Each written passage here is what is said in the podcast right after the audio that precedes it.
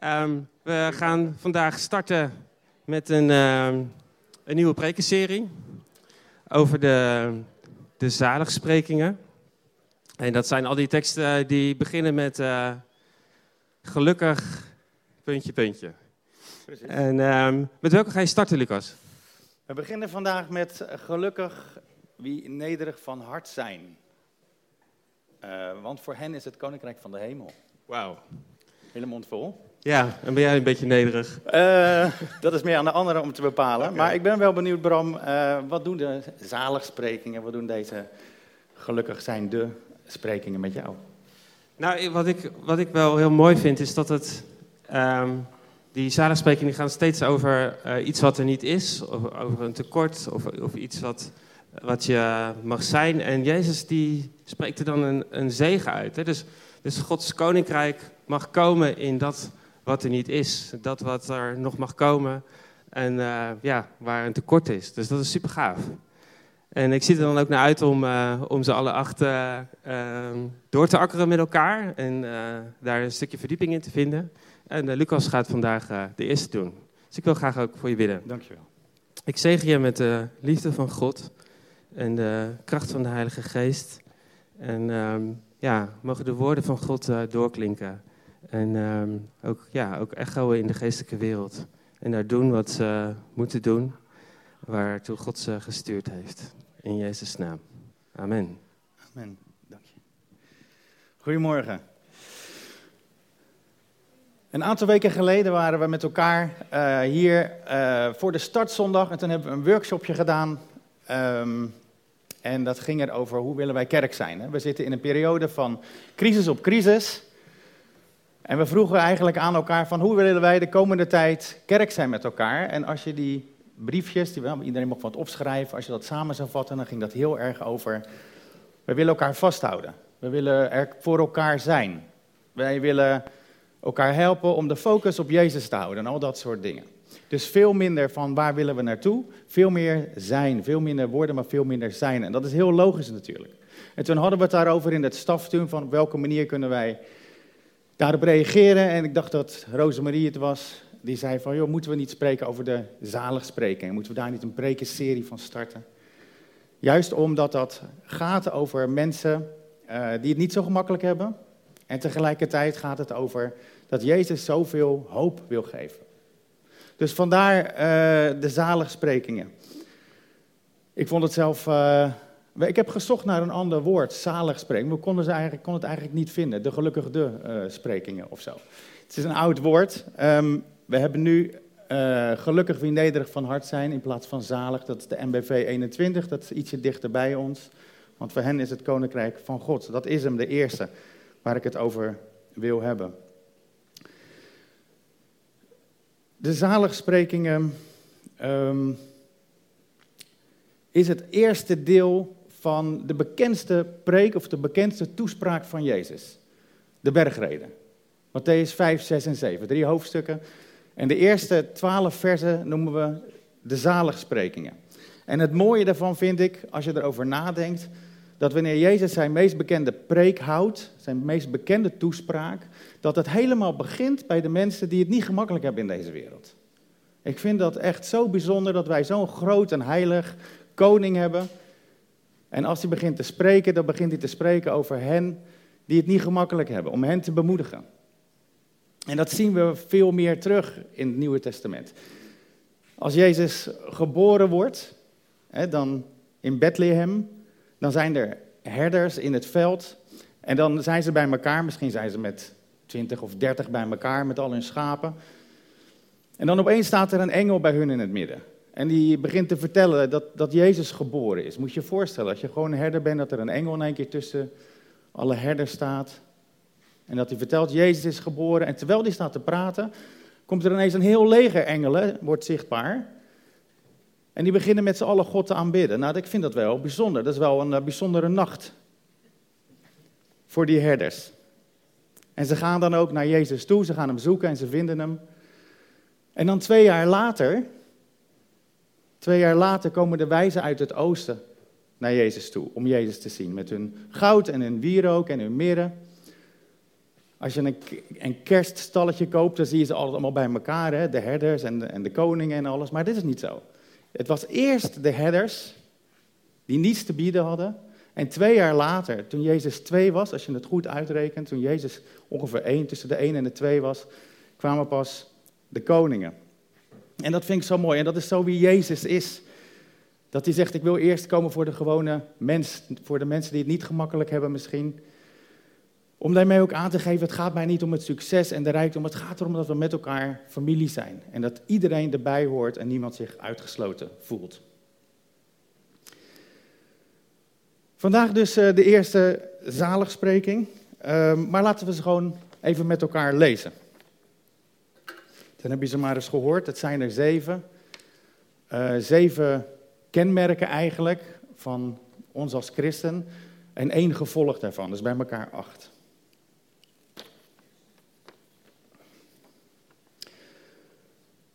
Toen hij de mensenmassa zag, ging hij de berg op. Hij ging zitten met zijn leerlingen om zich heen. Hij nam het woord en onderrichtte hen. Gelukkig wie nederig van hart zijn, want voor hen is het koninkrijk van de hemel. Gelukkig de treurenden, want zij zullen getroost worden. Gelukkig de zachtmoedigen, want zij zullen de aarde bezitten. Gelukkig wie hongeren en dorsten naar gerechtigheid, want zij zullen verzadigd worden. Gelukkig de barmhartigen, want zij zullen barmhartigheid ondervinden. Gelukkig wie zuiver van hart zijn, want zij zullen God zien. Gelukkig de vredestichters, want zij zullen kinderen van God genoemd worden. Gelukkig wie vanwege de gerechtigheid vervolgd worden, want voor hen is het koninkrijk van de hemel. Gelukkig zijn jullie wanneer ze je omwille van mij uitschelden, vervolgen en van allerlei kwaad betichten. Verheug je en juich, want je zult rijkelijk beloond worden in de hemel. Zo immers vervolgden ze voor jullie de profeten.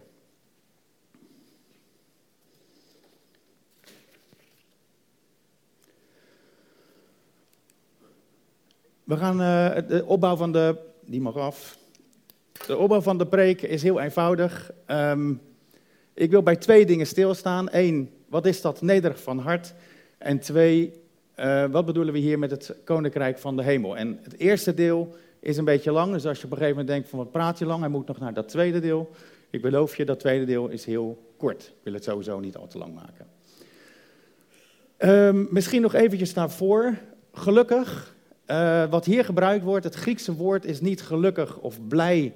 Als je, zoals je je blij voelt als je een cadeau krijgt of als je je examen gehaald hebt, zo'n moment van blijdschap. Gelukkig wordt hier gebruikt als uh, een voortdurende zeg maar, ondertoon van blijdschap. Maar dan komen we bij nederig van hart. Ik moet zeggen dat ik heel mijn leven behoorlijk over de zaligsprekingen heen heb gelezen, want hij begon zo lastig. In mijn oude Bijbel stond dan altijd zalig zijn de armen van geest. Daar wist ik al helemaal niet wat het was. En nederig van hart kon ik ook niet zo goed plaatsen. Dus ik moest dat, dat toen mij gevraagd werd om deze eerste zaligspreking met elkaar te bespreken, moest ik dat uh, eens even opzoeken. En er staat letterlijk inderdaad arm van geest.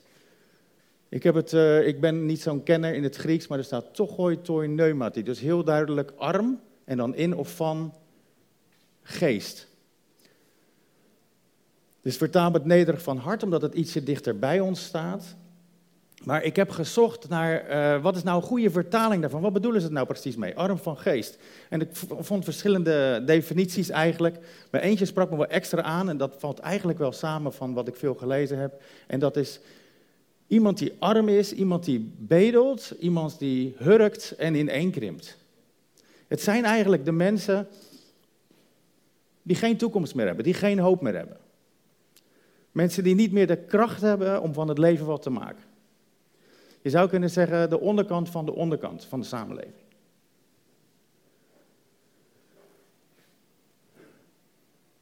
En dat is waar Jezus als eerste bij stilstaat, bij deze mensen. En natuurlijk is het niet zo dat Jezus zegt van als je nou helemaal echt aan de onderkant van de samenleving staat, dan krijg je het, koninkrijk van de hemel. Het is altijd nog een keuze natuurlijk. Maar het is in ieder geval beschikbaar voor iedereen, ook als je echt helemaal geen hoop meer hebt en geen kracht meer hebt om te leven. Dus dat is eigenlijk een, een enorme hoop van Jezus voor iedereen in de samenleving. Zowel de mensen die het heel goed hebben als de mensen die echt geen enkele hoop en geen enkele kracht meer hebben. Maar er zit een diepere laag in. En dat is, dat hoorde ik in vrijwel elke preek die ik hierover geluisterd heb, want dat doe je natuurlijk als je dit voorbereidt, of je leest een aantal commentaren, hè, hoe wordt dit uitgelegd door bijbelcommentaren, dan komen ze eigenlijk allemaal hiermee. Dat Jezus het niet alleen heeft over die mensen waar het niet goed mee gaat, de onderkant van de samenleving zal ik maar zeggen, maar het gaat eigenlijk over onze staat van de mensheid. De mens die gevallen is en die God nodig heeft. En dat is eigenlijk voor ons als christen helemaal nooit zo leuk om over na te denken. We hebben het veel liever over dat God van ons houdt en dat hij een plan voor ons heeft en dat hij ons talenten heeft gegeven en gaven van de geest en dat we in het, mogen groeien in het koninkrijk. Maar het begint allemaal bij het feit dat we verloren zijn. En dat is voor veel mensen niet zo um, aanwezig. Tenminste, als ik naar mezelf kijk, dan heb ik het veel liever over wat ik met God kan doen en hoe ik met God kan leven, dan, dan dat ik stil bij, met, bij, stilsta bij waar ik vandaan kom. Maar het staat er wel degelijk ook vaak in het Nieuwe Testament en Jezus spreekt er ook redelijk vaak over. Denk bijvoorbeeld op het moment dat de discipelen weg zijn en dan komen er een aantal Grieken naar Jezus toe.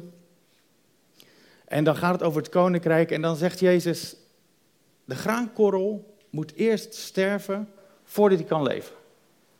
Dus wij moeten als mens eerst helemaal afgepeld worden eigenlijk.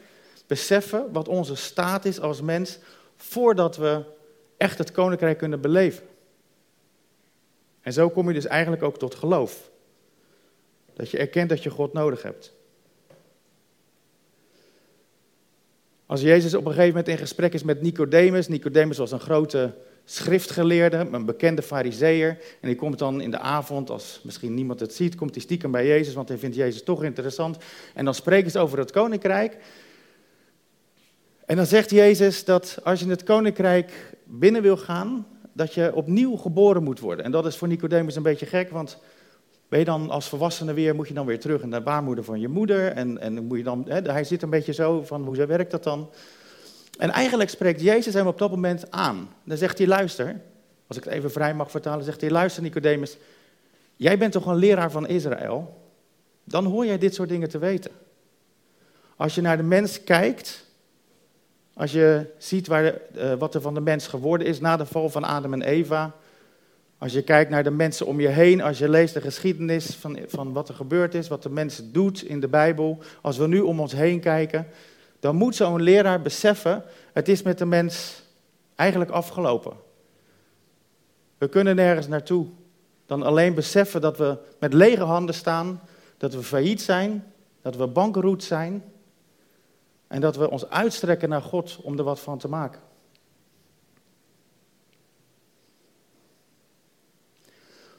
Paulus spreekt er ook nog over. Hè, die zegt: Als je God wil dienen, dan kunnen we van alles voor hem doen en actief worden. Dat is allemaal mooi en goed. Maar eigenlijk zegt Paulus: leg je leven op het altaar. Dat is de ware eredienst voor God. Dat je je leven opoffert en zegt: Dit is het. Ik kan niks meer brengen dan alleen dat.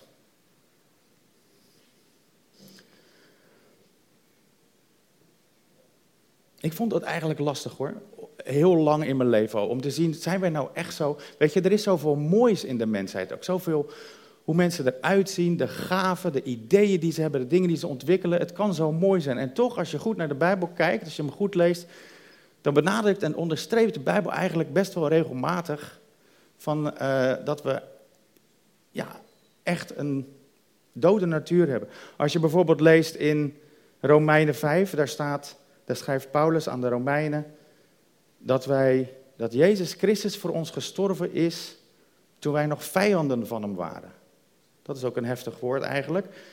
En in Gelaten 5 spreekt Paulus er ook over dat, dat het leven vanuit het vlees of het leven vanuit je eigen inzicht, dat dat botst met de leiding of het leven wat de Heilige Geest voor je heeft. Het is niet dat wij voor een deel goed zijn dat de Heilige Geest daarin meekomt om er wat van te maken. Nee, het botst, ze gaan allebei de andere kant op. En het is geen leuk verhaal. Aan de ene kant zag ik er ook een beetje tegenop om hierover te hebben. Het is echt nogmaals veel leuker om naar de toekomst te kijken dan, dan dat we gaan stilstaan bij wat er van de mens geworden is. Aan de andere kant vind ik het ook heel fijn en heb ik er eigenlijk ook best wel naar uitgekeken om het erover te hebben, omdat het zo'n enorme sleutel is tot herstel. Het is voor mensen die misschien moeilijke dingen hebben meegemaakt, en ik wil dat niet bagatelliseren, want we gaan door allemaal vreselijke dingen heen.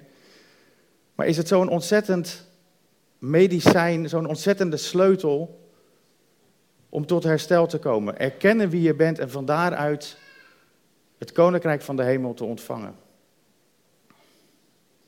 En als we licht geven, hè, dat, dat, dat zo, zo noemt Jezus ons ook, hè, de discipelen, maar ons eigenlijk ook, dat we het licht van de wereld mogen zijn. Op het moment dat wij meer licht gaan geven, dan wordt het eigenlijk ook wel meer duidelijk hoe duister de natuur van de mens kan zijn. Als je kijkt naar Jezus, waar zo ontzettend veel goeds van uitging, genezing, bevrijding, bemoedigende woorden, mensen die aan de onderkant waren, werden opgebeurd, alles was goed aan Jezus. En toch heeft hij het bij de mensheid niet overleefd, om het zo te zeggen. En hij was geen uitzondering, want de twaalf discipelen die zijn ook allemaal voortijdig omgebracht. Behalve Johannes, die is ook omgebracht, maar op een of andere manier heeft hij het overleefd en is daarna een natuurlijke dood gestorven. Maar ze ervaarden allemaal het kwaad van deze wereld. En we zien dat vaak niet. Hè? Als, het, als het allemaal comfortabel gaat in ons leven in de wereld, dan hebben we dat niet zo in de gaten. Met welke natuur we te maken hebben.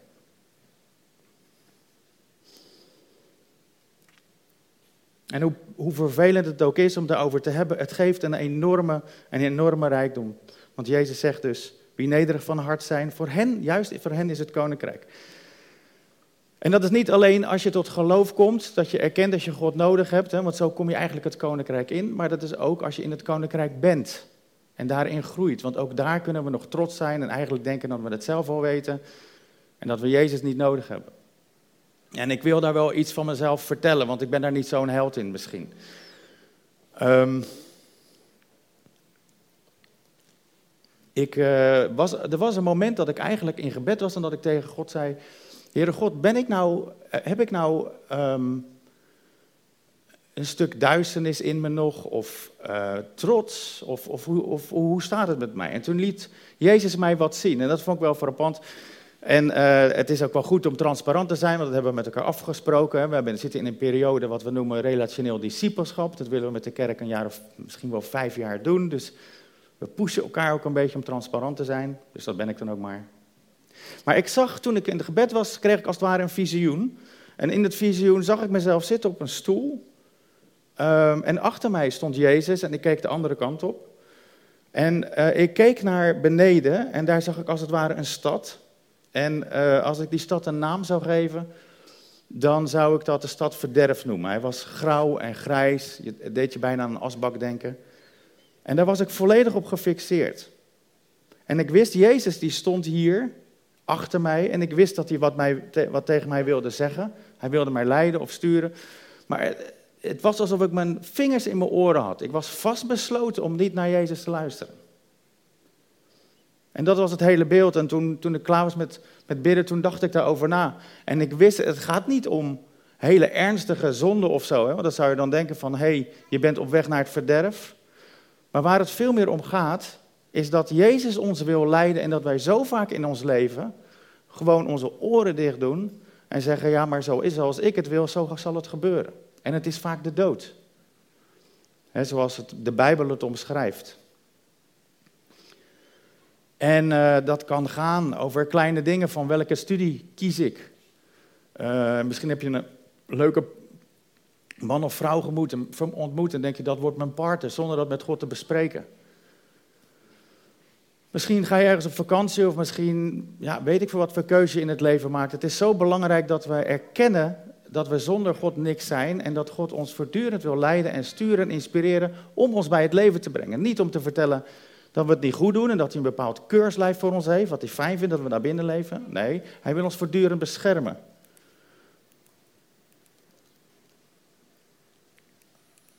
Nee, ik heb, uh, Hendrik, ik heb jou nodig. Hij doet het niet meer. Oh, nu doet hij het weer. Dus dat is eh, belangrijk, hè? dat we erkennen dat we verloren zijn. En de tweede, dat we onze trots overwinnen. En dit is dan die tekst, als ik denk over dat visioen wat ik kreeg, of dat plaatje of dat beeld. Daar dacht ik aan dat God van ons vraagt om Hem in, in al je wegen uh, te kennen. Ken Hem in al je wegen, dan zal Hij je paden recht maken.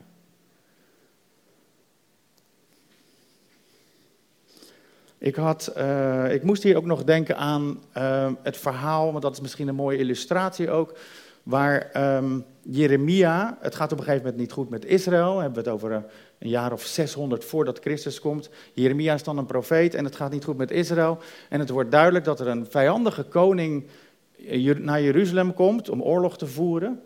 Dat is Nebukadnezar en Jeremia spreekt er dan over tegen het volk.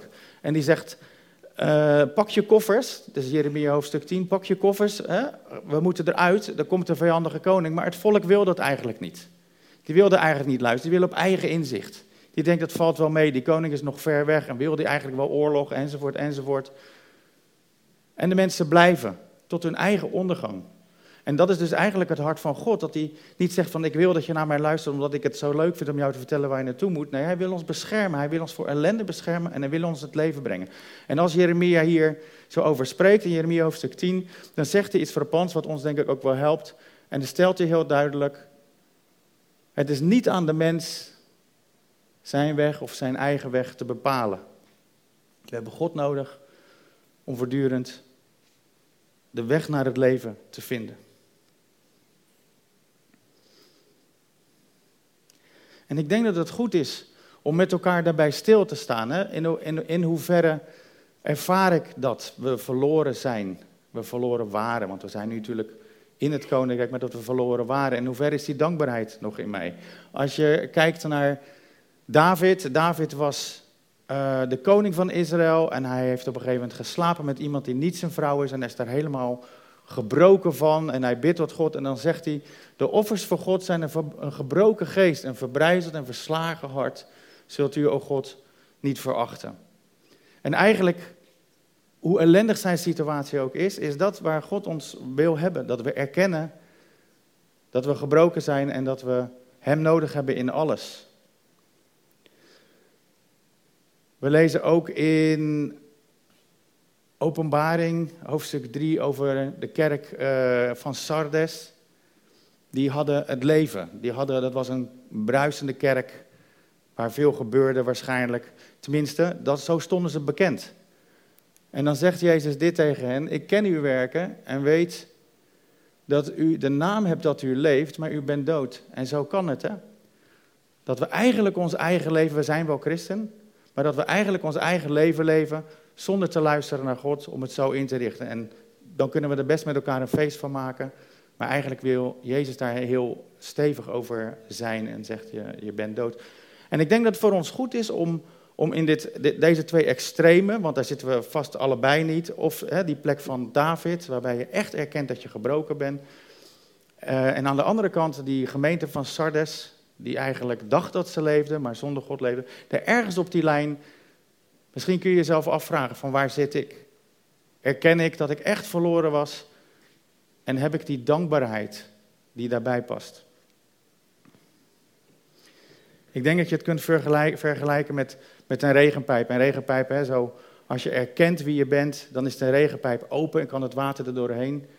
Als je denkt dat je God niet nodig hebt, of nauwelijks, of dat je het alleen interessant of boeiend vindt, dan zit die regenpijp misschien wel verstopt. Want dat is wat Jezus hier eigenlijk tegen ons zegt in die eerste zaligspreking. Gelukkig wie nederig van hart zijn, want voor hen is het koninkrijk van de hemel. Het gaat door die nederigheid heen en dan komt het koninkrijk.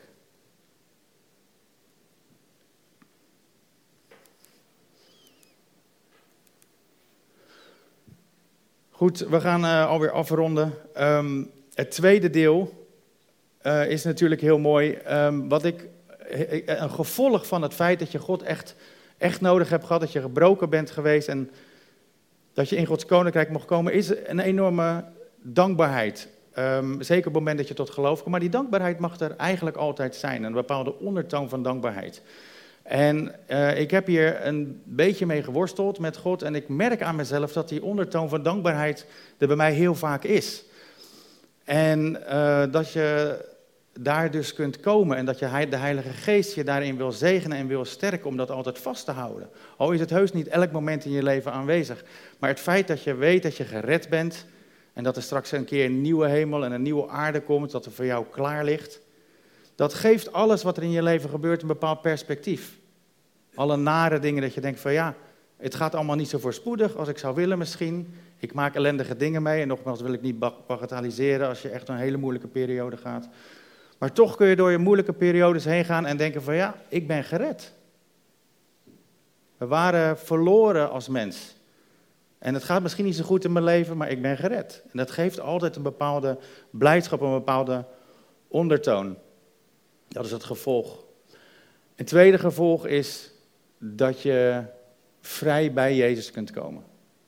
En zij zegen ontvangen. Als wij bij Jezus komen met het idee dat we het niet goed doen of niet goed genoeg zijn, dan zeg je daar eigenlijk mee van ja, Jezus, ik had u nodig, maar een deel kan ik zelf ook. En dat heb ik dan helaas niet zo goed gedaan, maar dat kan ik wel. En daarvan zegt God eigenlijk van nee, ik wil dat je weet dat, dat je niet, tot niets in staat bent en dat alles voor mij is. Dat je volledig in genade leeft. Want dat is de enige manier waarbij we niet hoeven te presteren. Waarbij we mogen weten dat we voor alles vergeven zijn. En dat als we bij God komen, dat we niet met een gebogen rug bij hem hoeven te staan in de hoop dat hij misschien wil antwoorden. Maar dat we gewoon kunnen zeggen, Heere God, hier ben ik. Uw zoon, uw dochter. Alsof je nooit gezondigd hebt. Zo mag je bij God komen. Zo wil, dat God, zo wil God dat je bij hem komt. Zo wil elke ouder dat een dochtertje of zoontje naar hem of haar toe komt. En zo vrij mogen we zijn.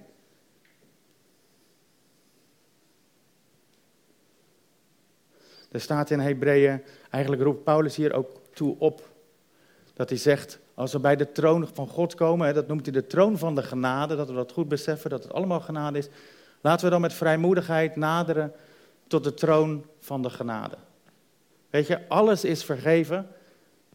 We hadden niks, we hebben niks te bieden, maar God wil ons alles geven. Vanaf dat moment dat we erkennen dat we niks hadden, wil God ons het hele koninkrijk geven. In Romeinen 8 zegt Paulus ook nog van, geloof je niet dat nu God ons Jezus gegeven heeft, dat hij daarmee ons alles wil schenken? Dat is zijn enorme liefde voor ons en zijn enorme verlangen om je ontzettend rijk te zegenen.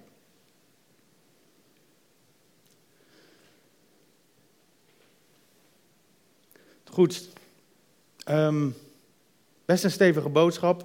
Voor sommigen misschien uh, niet zo heel leuk om te horen, voor anderen misschien juist heel tof.